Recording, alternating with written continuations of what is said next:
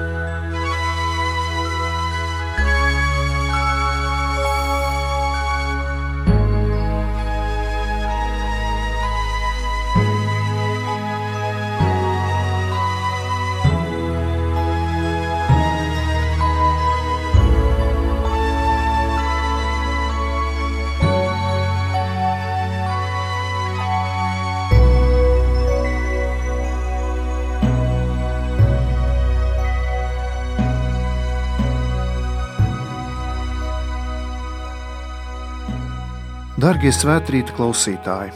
Šajās rīta pārdomās esmu izvēlējies Jēzus debeskāpšanas notikumu, jo šī svētdiena atrodas tieši starp Jēzus uzkāpšanas debesīs svinībām un svētā gara nonākšanu vasaras svētkos. Daudzās valstīs debeskāpšanas svētkus svin tieši šajā svētdienā, tādēļ ir vērts pārdomāt par šo notikumu plašāk. Grieķu valodā šo svētku sauc par anabāzis, latīniski ascensija. Anabāzes nozīmē augšupejošu kustību, bet katabāzes ir lejupējošā dinamika. Jēzus nokāpj, lai uzkāptu. Jēzus atgriežas valstībā, no kuras ir nācis. Tas, kurš ir nokāpis zemākajās vietās, pašos ēles dziļumos, uzkāpj pašos debesu augstumos. Tomēr ir svarīgs jautājums, kādēļ gan Jēzus nevarēja palikt šeit uz zemes, un, būdams nemirstīgs, varētu dzīvot mūsu vidū, cilvēku izskatā, un atbildēt uz visiem mūsu sasāpējušiem jautājumiem un atrisināt visas domstarpības. Varbūt tad nebūtu tik daudz konfesiju un reliģisko strīdu. Tad mēs, ticīgie, varētu iedot Jēzus telefonu numuru, uz kuru katrs neticīgais varētu piezvanīt un saņemt sev interesējušos jautājumus. Ir tāda kā sajūta, ka uzkāpjot debesīs, Dievs ir it kā noslēpies no mūsu acīm. Jo ikdienā mēs taču nepastarpināti nevaram Dievu nedz redzēt, nedz viņu satikt. Ļoti daudziem cilvēkiem viņš joprojām ir abstrakcija, iedomu tēls, neeksistējuša lieta. Kādēļ gan Dievam tā būtu jāslēpjas? Un ja jau viņš iemiesojās, kļuva cilvēks, tad kādēļ viņš nevarēja palikt visiem redzams un pieejams? No otras puses, musulmaņu un jūdu kristiešiem uzdotu jautājumu: kādēļ Dievam bija jānāk uz šo grēcīgo zemi un ar savu iemiesošanos, cilvēku tapšanu, ja tā var teikt, pēdiņās jāsasmērējas? Vai tad Dievam ir kaut kur jānokāp un jāuzkāpj, ja Viņš ir Dievs, kurš ir pašpietiekams, bezgalīgs un viņam nekas nav nepieciešams? Dievs taču ir Dievs un pasaule ir pasaule ar saviem ierobežojumiem un ļaunumu. Tādēļ mēģināsim atbildēt šajās īsajās pārdomās uz šiem svarīgiem jautājumiem šo svētku kontekstā. Ir divas galības, kurās atrodas visa cilvēce jau kopš savas civilizācijas sākuma. No vienas puses, daudzās tautās ir bijis un vēl tagad ir izplatīts panteisms, jeb dabas parādību pielūgsme. Citiem vārdiem sakot, pārdabiskuma piedēvēšana dažādām dabas parādībām un dabas elementu pielūgsme. Tas bija un ir raksturīgs senajiem pagānu kultiem un reliģijām. Tomēr arī mūsdienās ir vērojams spēcīgs panteismu uzplaukums dažādās ezotēriskās un okultās formās. Nesen lasīju, ka jaunākajos pētījumos ir pierādīts, ka Latvija ir viena no mājiņticīgākajām valstīm Eiropas Savienībā. Mājiņticība tas nozīmē ticēt, ka dažādiem dabas elementiem piemīt neizskaidrojams pārdabisks spēks. Piemēram, cilvēks baidās sasveicināties pāri slieksnim, baidās no melniem kaķiem, negrib iet zem transformatoru šiem stabiem vai nekāpj uz kanalizācijas aku vākiem un tā tālāk. Otra galība ir radikālais ateisms un agnosticisms, kas uzskata, ka pasaule ir pilnīgi laicīga, bez jebkādas metafiziskās ietekmes un garīguma. Viss ir absolūti laicīgs, un ja pat eksistē kāds augstāks spēks, tam nav nekādas ietekmes uz šo laicīgo pasauli. Kaut kādā ziņā šo viedokli arī pārstāv islāms un jūdaisms, uzskatot, ka Dievs jau neiejauc šajā pasaulē un jebkāda dieva iemiesošanās – un cilvēka tapšana nav iespējama. Cilvēks pielūdz Dievu un atdod viņam godu, bet nekāda komunikācija vai personīgas attiecības ar šo dievišķo būtni nav iespējamas. Un lūk, starp šīm divām galībām atrodas kristietība, kura pasludina, ka Dievs, būdams ārpus visa radītā sošs, mīlestībā uz cilvēku vēlējās ienākt šajā grēka un ļaunuma pārņemtajā pasaulē, un to svētdarīt un atjaunot. Dievs no savas lielās mīlestības sūta savu dēlu, otro trīsvienības personu, lai viņš pieņemot cilvēka dabu, kļūtu mums it visā līdzīgs, izņemot grēku. 30 gadu vecumā Jēzus uzsāk sludināt, un viņa pasludinātās vēsts centrā ir aicinājums nožēlot grēkus un ticēt evaņģēliem. Cilvēki nespēja pieņemt Jēzus sludināto, un galvenais arguments, kāpēc Jēzus tika atmests un nogalināts, ir tas, ka viņiem šķita, ka Dievs pārliek uzspiež savu gribu, var pat teikt, uzbāžas savu dievišķību. Jūda teica, tāds nevar būt Dievs. Ko viņš tur runā? Mēsiem ir jābūt citādākam. Dievam ir jāsēž, ja tā var teikt, savā vietā, un viņam nav jājaucas mūsu laicīgajā dzīvē. Jā, jūdi gaidīja mesiju, bet viņi gaidīja politisku atbrīvotāju, nevis kaut kādu dieva dēlu, kurš sevi pasludina līdzvērtīgu dievam. Viņa pozīcija bija skaidra. Dievam nav daudz jājaucas cilvēku dzīvēs. Dievs, lai sēž savā vietā, mēs šeit, pasaulē, šeit uz vietas darīsim to, kas mums eh, ir nepieciešams. Jēzus viņiem kļuva nērts un liekas. Tomēr Jēzus, nevēlēdamies piekāpties šādai cilvēku izdomātajai mesijas koncepcijai, turpina savu iesākto ceļu un radikāli izvēlas doties krustanāvē. Viņš mirst, jo paliek tas, kas ir nemainīgs un savai misijai uzticīgs. Mācekļi, kuri seko Jēzum, tā īsti neticēja Jēzus sacītajam viņa dzīves laikā, ka viņš mīrs, augšām celsies, turpinās dzīvot un ka viņa misija ir pārliecīgs raksturs. Lielās piekdienas notikuma iespējā viņa aizbēg un ir gatava pamest iesākto un atgriezties iepriekšējos darbos. Šodienas evanģēlīja fragmentā pirms savas debesu kāpšanas Jēzus atgādina: ka balstoties uz rakstu pravietojumu, īpaši iesaistas grāmatā, Mēsī ir cietais kalps, kurš ir izgājis cauri ciešanu nāves ielai, tomēr nav palicis kapā, bet ir augšām cēlies. Jēzus pēc augšām celšanās visu 40 dienu laiku mācekļiem, kuri bija nobijušies un skeptiski noskaņoti, atklāja patiesību par savu augšām celšanos un lielo dieva plānu attiecībā uz pasauli, baznīcu un viņu lomu tajā. 40 dienas, kuras Jēzus pavadīja kopā ar saviem mācekļiem, līdzinās 40 gadiem, ko Izraēlis pavadīja tuksnesī, kur Mūzes vadībā Dievs savu tautu vadīja uz apsolīto zemi. Tomēr paliek neatbildēts jautājums, kāpēc Jēzus nevarēja palikt kopā ar saviem mācekļiem redzamā un tiešā veidā. Tad viss būtu daudz vienkāršāk. Nebūtu tāda miglainība, neskaidrība un grūtības atklāt pasaulē patieso Dievu, un Dieva patieso plānu attiecībā uz cilvēci. Tomēr Jēzum bija jāatgriežas savu tēvu valstībā, jo viņš ir viena no svētās trīsvienības personām. Dievs nemainās, un Jēzum bija jāatgriežas valstībā, no kuras viņš bija nācis. Tomēr pēc Jēzus augšām celšanās un debesu kāpšanas un vasaras svētkiem pasaule vairs nav tāda, kāda bija līdz šim. Iesāks jauns laikmets, pēdējie laiki, un tas ir atpestīšanas un svētā gara darbības laikmets. Jēzus apsola, ka neatstās mūs kā bāriņus, bet gan viņa vārdā pasaulē darbosies trešā svētās trīsvienības persona, svētais gars. Svētais gars nodrošina, ka dieva darbs turpinās, pat ja ne tik tiešā, bet gan apslēptā, jeb noslēpumainā veidā. Jēzus uzkāpjot debesīs, norāda, ka laicīgā pasaule netiek mākslīgi sakralizēta, jo Dievs nevēlas atņemt to laicīgo lietu autonomiju, ko viņš pats šai pasaulē bija devis radīšanas brīdī. Laicīgā pasaule laba, jo ir Dieva radīta. Pat ja tajā darbojas ļaunais gars, kurš vēlas izjaukt Dieva brīnišķīgo plānu un aizvirzīt cilvēku no Dieva un viņa mūžīgās dzīves perspektīvas. Jēzus jau savas dzīves laikā izvēlējās 12 mācekļus, kurus nosauc par apstuļiem, izvēloties Pēteri par apstulu kolēģijas jeb grupas galveno, un tādējādi lika pamatus baznīcai, kura vasaras svētkos piepildījusies ar svēto garu, turpina Jēzus misiju šai laicīgajā pasaulē. Baznīca ir Kristus turpinājums šajā pasaulē, kaut arī savā cilvēciskajā dimensijā satur nepilnīgus un cilvēciskus elementus. Dievs nevēlas uzbrukt laicīgai pasaulē. Tikai ar svētā gara palīdzību, caur baznīcas starpniecību, delikāti un neuzbrukoši piedāvā savu pestīšanas vēsti mums katram, dāvājot iespēju tikt glābtiem caur Jēzus nāves un augšām celšanās noslēpumu. Dievs vienlaicīgi ir ar mums, tomēr atstāja mūsu mūsu laicīgumā un neuzspiež mums ticēt un pieņemt viņu.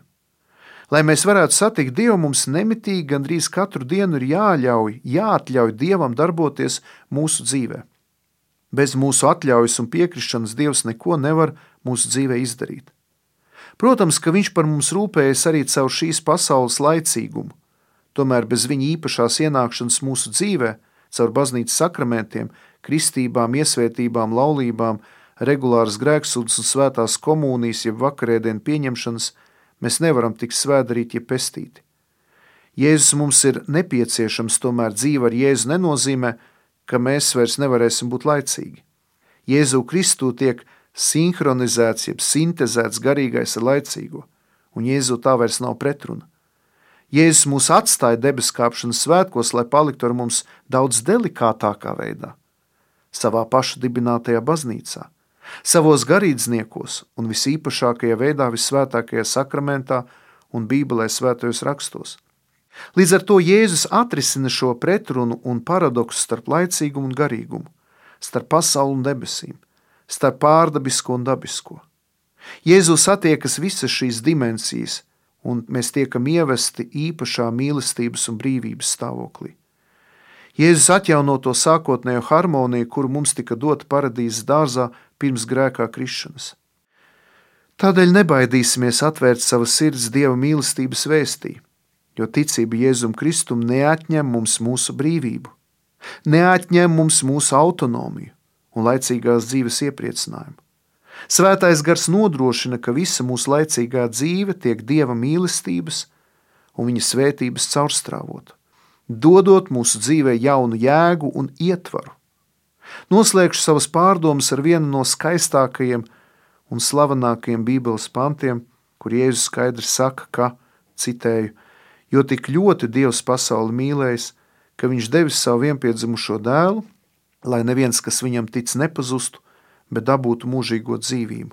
Jo Dievs savu dēlu nav sūtījis pasaulē, lai tas pasauli tiesātu, bet lai pasaule ar viņu tiktu glābta. Jāņa evaņģēlijas 3. nodaļa, 16. līdz 17. pants. Un noslēgsim mūsu pārdomas ar lūkšanu, ko mums ir iemācījis pats Jēzus Kristus. Mūsu Tēvs debesīs, svētīts lai top tavs vārds, lai nāk tava valstība, tavs prāts, lai notiek kā debesīs, tā arī virs zemes. Mūsu dienascho maizi dod mums šodien, un piedod mums mūsu parādus, kā arī mēs piedodam saviem parādniekiem, un neieved mūsu kārdināšanā, bet atpestī mūs no ļauna, jo Tev pieder valstība, spēks un gods mūžīgi mūžos. Āmen! Dieva tēva un dēla un svētā gara vārdā. Āmen!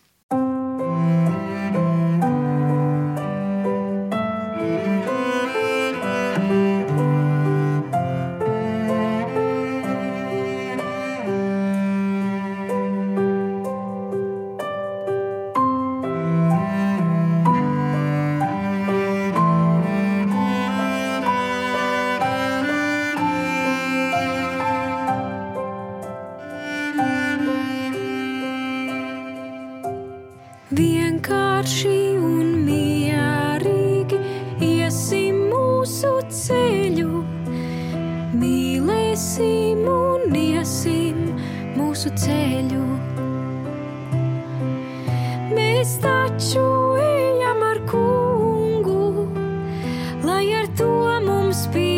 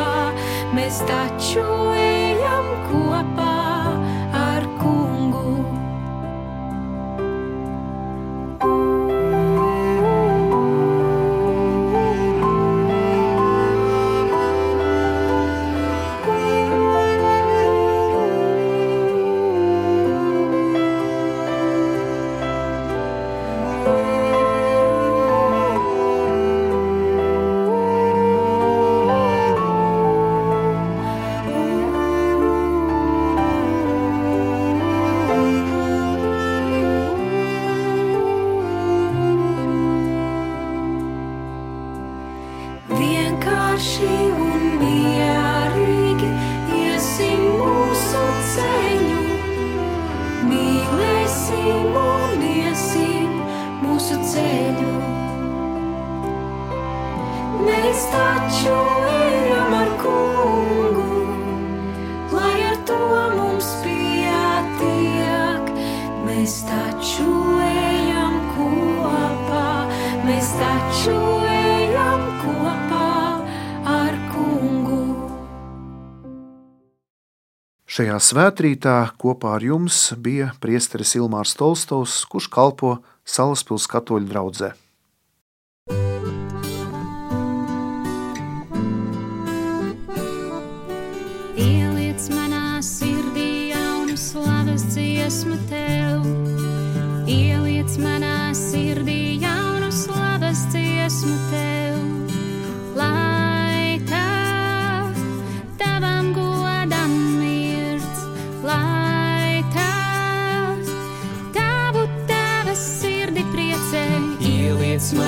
sirdī jaunu slavas dziesmu tev.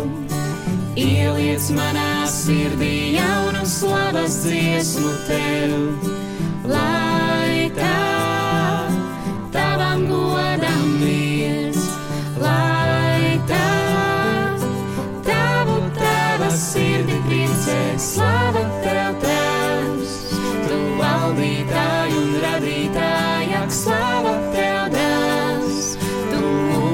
dvēsļu pestītāja, slavu tev svētais gars, tu dzīva darītāja, sak slavu tev kungs, slavu tev kungs, salē.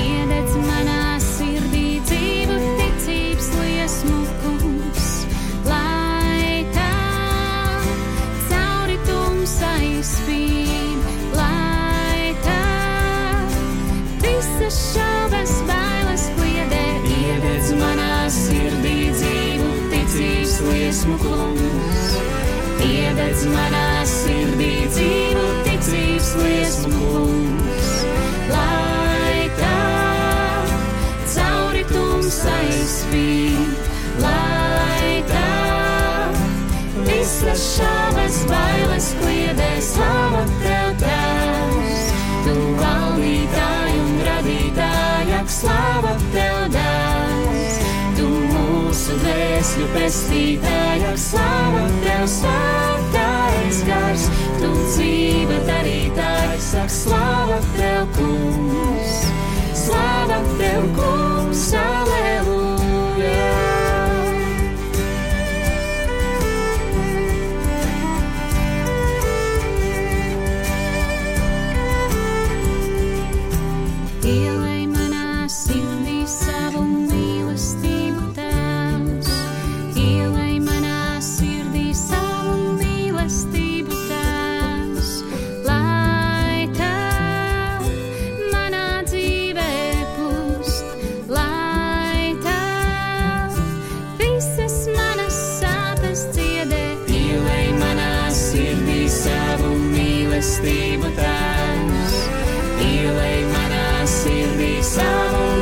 mīlestību, tēvs.